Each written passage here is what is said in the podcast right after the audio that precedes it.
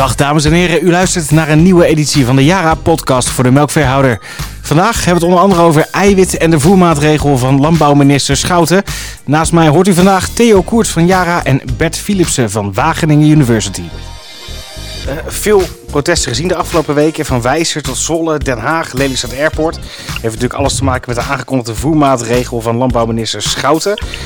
Feit lijkt wel, hè, wat er besloten wordt, ook al komt er extra onderzoek, dat er het, ja, het eiwitgehalte omlaag moet. Theo, welke consequenties heeft dit en wat vind jij daarvan? Nou, het eiwitgehalte naar beneden, ja, in ieder geval uh, in, de, in de reguliere brok uh, mag hij niet hoger wezen. Uh, ik geloof dat de grens 190 is bij, op zandgrond in ieder geval. Daar mag hij niet, niet onder komen.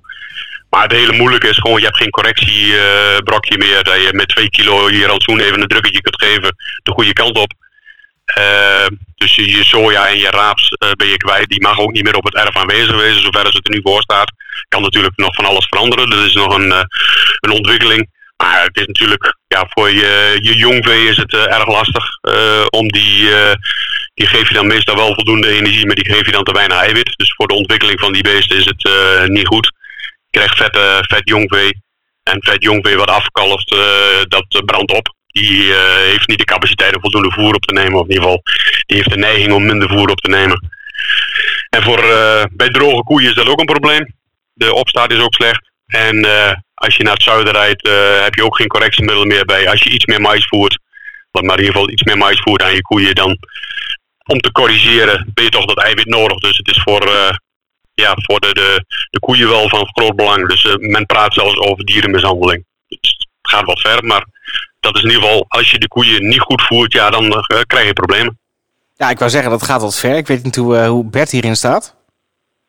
Ja, ik vind het een erg lastige discussie. Ik constateer uh, vooral dat we samen het spoor een beetje kwijt zijn om te zoeken naar de goede oplossingen. En dat je op de korte termijn niet moet willen dat een ander jouw stuur bepaalt en zich bemoeit met management op jouw bedrijf. Eh, dat herken ik volledig. En volgens mij moet je dat vanuit de sector als vanuit de politiek eigenlijk niet, eh, niet willen. Dus ik zie dit echt als een, eh, als een noodmaatregel van ook een minister of een ministerie wat ook een beetje in paniek is om toch de doelen te halen. Dus dat begrijp ik heel goed. En ik begrijp ook heel goed dat boeren daar nou ja, boos, woest, teleurgesteld over, over zijn.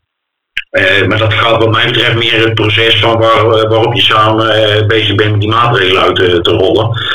Want als ik naar de middellange termijn en de lange termijn kijk, en dat probeer ik dan vanuit mijn achtergrond meestal te doen na 1 januari, ja, dan is het eigenlijk niet zo heel erg spannend. Eh, want dan ligt er ook een sectorplan om via drie sporen eh, eigenlijk stikstof eh, af te vangen en beter te benutten en ammoniak te beperken. En dan kijken we bijvoorbeeld naar de drie maatregelen die het landbouwcollectief destijds zelf ook voorgesteld heeft. Dat gaat over meer weidegang, dat gaat over water bij de mest en dat gaat over een lager eiwitaandeel in het voer en in het rantsoen. Nou, als je er vanuit die hoek naar kijkt, dan is het eigenlijk niet, niet spannend, maar alleen die, voor, die maatregel die de sector zelf voorgesteld heeft, daar zit dan nog in managementruimte voor de boeren in de sector zelf. Uh, en nu wordt die van bovenaf opgelegd en ben ik helemaal met de Theo eens, ja, dan, dan wordt je de mogelijkheid om uh, kleinere of grote correcties te doen ontnomen. Maar de doelstelling die erachter zit, ja, die is niet zo heel erg bijzonder eigenlijk en zo heel erg spannend. want dat stellen we eigenlijk met z'n allen ook voor dat we die kant op moeten. Maar nogmaals, gaat volgens mij veel meer op de manier waarop.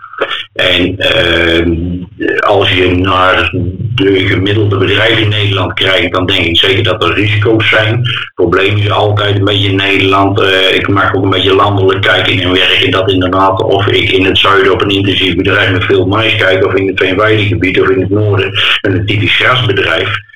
Ja, dan zijn er nog wel wat situaties waar eigenlijk weinig of niks aan de hand is. Uh, en er zijn situaties waar je behoorlijk in de knel kunt komen. Vooral omdat je in een systeem en in een bouwplan zit, wat op dit moment zo is, maar je niet even met een paar maanden kunt aanpassen. Want anders zou je ook meer ruimte hebben door nou ja, andere kuilen aan te leggen, andere verhouding grasmais te verbouwen. En nou ja, dan zou je veel meer speelruimte hebben. Volgens mij is dat wat je moet willen. En volgens mij willen we dat ook met z'n allen. Alleen de communicatie daarover is uh, een beetje verder zoeken op dit moment. Ja, Theo, is dat misschien het grote probleem? Dat uh, deze voermaatregel die er is, dat we eiwit naar beneden moeten, hè, dat is op zich logisch. Maar vooral ook de snelheid en de druk die wordt gezet, uh, ja, dat dat dus eigenlijk niet mogelijk is voor uh, Agrarisch Nederland? Het is gewoon lastig. Kijk, het, uh, kijk wat Bert ook zegt, de, de, regels die er zijn, bijvoorbeeld het water toevoegen aan, aan mest. Ja, ik, uh, ik vertel dat ook in België op uh, bijeenkomsten. Dan kijken ze aan wat ben je mee bezig, dat kost geld. Ja, dat kost geld, maar het levert ook op. En dat, dat is iets wat je gewoon mensen moet vertellen. En dat is ook in Nederland. Uh, in het begin was dat ook. Iedereen keek er wat vreemd tegenaan. Moet ik 30% water toevoegen? Dat, dat moet ik ook betalen. En dat water moet er ook komen. En zulke soort dingen. Het zijn, het zijn aanpassingen die er komen. Uh, die twee kanten op werken. En uh, wat wij altijd hoog in het vaandel hebben staan is efficiëntie. We moeten efficiënter, we moeten gewoon minder verliezen. Uh, en door die efficiëntie haal je ook nog, kun je ook nog meer geld verdienen. Want dat is ook nog weer, dat is alle verliezen die je hebt. Dus als je je koeien aan de veilige kant aan, aan eiwit gaat voeren, en je gaat bewust 5% boven de norm zitten.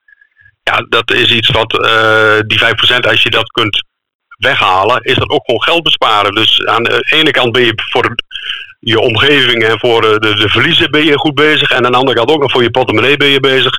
Alleen ja, we, we, moeten wel goede uh, hulpmiddelen hebben om zo efficiënt mogelijk te kunnen. Zonder dat we risico lopen dat, we echt, dat het geld gaat kosten. Want op de norm voeren is geld verdienen aan twee kanten. Richting verliezen en richting portemonnee. En als je er overheen gaat of eronder gaat zitten, eronder gaat zitten, ja, dan verlies je dus gewoon heel veel geld aan de kant van de inkomsten. Dus daar moeten we mee bezig. We moeten zien dat we uh, hulpmiddelen krijgen en dus ook de kennis in huis krijgen om zo efficiënt mogelijk op de lijn te komen te zitten qua voer, qua bemesting, qua alles. En dat is denk ik het uh, belangrijkste. Nee, dan heb je dus eigenlijk inderdaad heel veel over vakmanschap. En, en nou, dat is het akelige van wat er de laatste maanden gebeurt. Dus dat met deze type maatregelen er helemaal geen appel gedaan wordt in stimulans het vakmanschap. Maar dat het veel meer uh, met de botte bijl uh, lijkt te gaan. En daar ageren denk ik boeren tegen. Dus wat mij betreft zouden we zo snel mo mogelijk naar die situatie moeten. Dat het vakmanschap weer beloond wordt en dat je daar verder mee aan de slag kunt.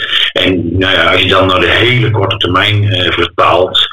En dan zul je zien dat misschien boeren die eh, bijvoorbeeld iets meer hun partijen eh, ruwvoer apart hebben zitten, die apart bemonsterd hebben, of daar de rest van de komende snedes nog een klein beetje apart op kunnen sturen, dat die dan bijvoorbeeld nog specifieke partijen zouden kunnen aanleggen eh, waar je nog een beetje mee kunt sturen. Maar dat is allemaal heel beperkt. Die ontwikkeling zie je op dit moment ook. Volgens mij is dat ook, ook logisch. En dan is het voordeel dat je bijvoorbeeld behalen of een klein kuiltje of een partij hoor van mijn partij even apart kunt benaderen. Dat is makkelijker als wanneer je niet grote kuil hebt wat laagsgewijs in zit en waar je alles uit één partij moet, moet voeren. Dus daar zie je nu zoektochten van eerst kijken van waar sta ik, heeft mijn bedrijf voor een specifieke diergroep ook echt een probleem. En van daaruit naar voren kijken van ja, welke partijen kwaliteiten mis ik dan uh, eigenlijk nog. Nou, dat is waar volgens mij op dit moment naar gekeken wordt in de praktijk. Alleen de tijd begint wel te dringen, Bert. Het is wel, de, de, we hebben niet zoveel tijd meer tot 1 september. En nou ja, de grasspelers die nog komen. Dus misschien, uh, daar heb ik in een van de eerdere podcasts ook over gehad. Hebben het gevoel dat het seizoen haast wat aan het verschuiven is. Dat wij vorig jaar nog mensen in december zagen inkolen. Kijk, dan hebben we nog tijd om dat te sturen. En aan de andere kant, ook de mensen die in de problemen komen met het hele eiwitgebeuren. koeien wat langer buiten houden. Of stal voeren met het spul. Ja, dat is dus, zijn dus gewoon praktische invullingen om de problemen die dreigen te komen op te vangen door gewoon praktisch in te, in te grijpen. Dus door gras naar binnen te halen of later in het jaar de koeien naar buiten. Uh, dat zijn dus in ieder geval wel hele mooie hulpmiddelen om daar mee bezig te zijn. En natuurlijk gewoon de praktische dingen als uh, uh, wanneer ga ik maaien, hoeveel ga ik bemesten, heb, heb, hoeveel kunstmest heb ik nog, hoeveel drijfmest zit er nog op, wat werkt er nog. Nou ja, daar hebben we onze KSN app voor. Daar kun je in ieder geval kijken van een, een inschatting maken van hoeveel ruw eiwit. En bij elk elke situatie, bij elk bedrijf hoort een ander soort ruw eiwit. Dus ga je die koeien tot december buiten laten, ja, dan kun je met een stuk lager ruw eiwit toe dan dat je die koeien al binnen hebt. En dat je ook nog een kuil hebt zitten van voorjaar met veel suiker en weinig eiwit. Ja, dan moet je, kun je dat op dit moment nog een beetje bijsturen. Dus dat, nou ja, dat is iets, in ieder geval iets om gewoon praktisch mee bezig te zijn. Nou, dat is denk ik heel goed om dat te benadrukken. En op die manier gewoon vanuit je feit op je, op je eigen bedrijf, op je eigen groepbedrijf te kijken. En dan is het wel goed om uh, ook eerlijk naar de omstandigheden te kijken. Dus als ik naar mijn ruwvoering graslandprojecten tot op dit moment kijk, ook met praktijkbedrijven die daarin zitten, dan ben ik het over het algemeen nog bij het vakmanschap en de goede landbouwpraktijk meer bezig om het eiwit nog steeds onderuit te houden in plaats van om het toe te voegen. dus dat moeten we ook benoemen. Want ook bijvoorbeeld bij een aantal weidebedrijven ben ik nu bezig dat we twee, drie jaar samen voor elkaar hebben gekregen met Tureen bijvoorbeeld in de zomer vijf punten lager te krijgen in plaats van, van wat hoger als de koeien in de zomerperiode naar buiten gaan. En daar liggen dus eigenlijk allemaal aanknopingspunten. En ook bedrijven die er redelijk hoeveelheid gas erin hebben, zie je ook in de winterperiode nog wel eens te veel zuurwijven naar voren komen. Dus het is echt heel specifiek eh, waar we het over praten, waar je knelpunten eh, tegenkomt. Eh, en op die manier zou ik het ook willen benaderen. Het is weer maatwerk. Daar hebben we wel vaker over. Het is per bedrijf.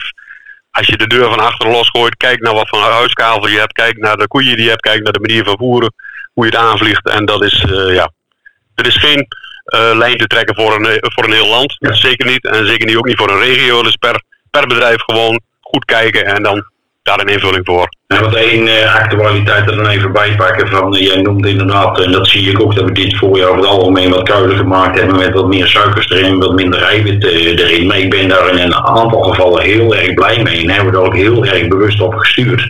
Omdat ik op bedrijven waar geen mais bijgevoerd wordt, die zijn er ook nogal wat in Nederland, dat past niet overal, het is niet eens overal logisch. Als je daar in de zomer naast weidegras goede graskuil wilt bijvoeren, is dat volgens mij een graskuil met voldoende suiker en met weinig eiwit. Dus ik heb een voorbeeld van een boer met 150 ruwijven in een graskuil van de eerste snede. Dat is perfecte kuil om op dit moment bij te voeren tot diep in november, eh, begin december.